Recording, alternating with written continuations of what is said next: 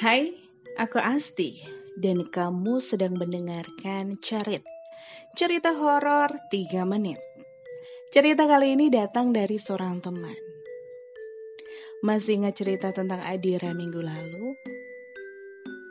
Mari kita lanjutkan. Polisi kemudian mengidentifikasi bahwa itu merupakan mayat Rio yang selama ini diketahui merupakan kekasih Adira. Dugaan meninggalnya Rio adalah akibat luka di kepala dan dadanya. Akan tetapi, barang bukti penyebab kematiannya belum ditemukan, meski polisi sudah menyisir ke segala tempat.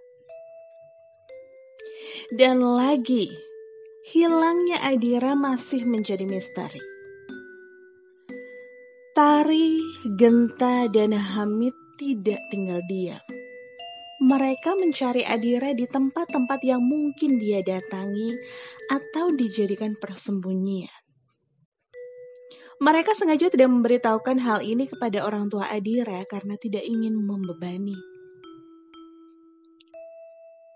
Siang itu, Tari, Genta, dan Hamid sedang duduk-duduk di kantin kampus.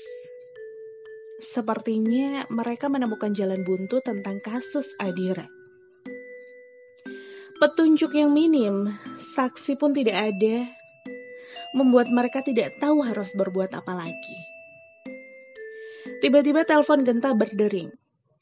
Ia menjauh dari teman-temannya saat menerima. Begitu selesai, Genta kembali ke tempat ia duduk dan mengatakan ada satu petunjuk yang mungkin bisa membantu.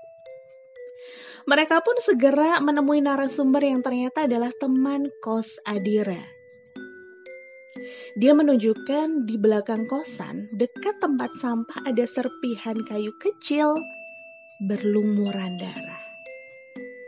Mereka pun segera membungkusnya dengan plastik untuk diselidiki. Darah siapa itu?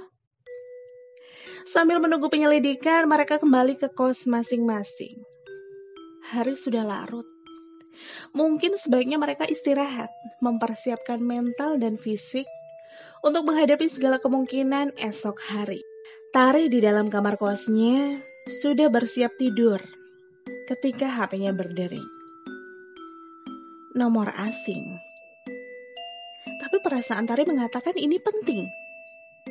Ia pun memberanikan diri menerima panggilan telepon tersebut. Suara yang tidak asing. Namun, ah, tidak mungkin.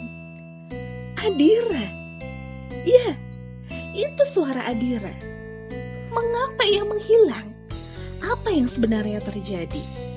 Apa Adira ada hubungannya dengan kematian Rio? Tunggu jawabannya minggu depan.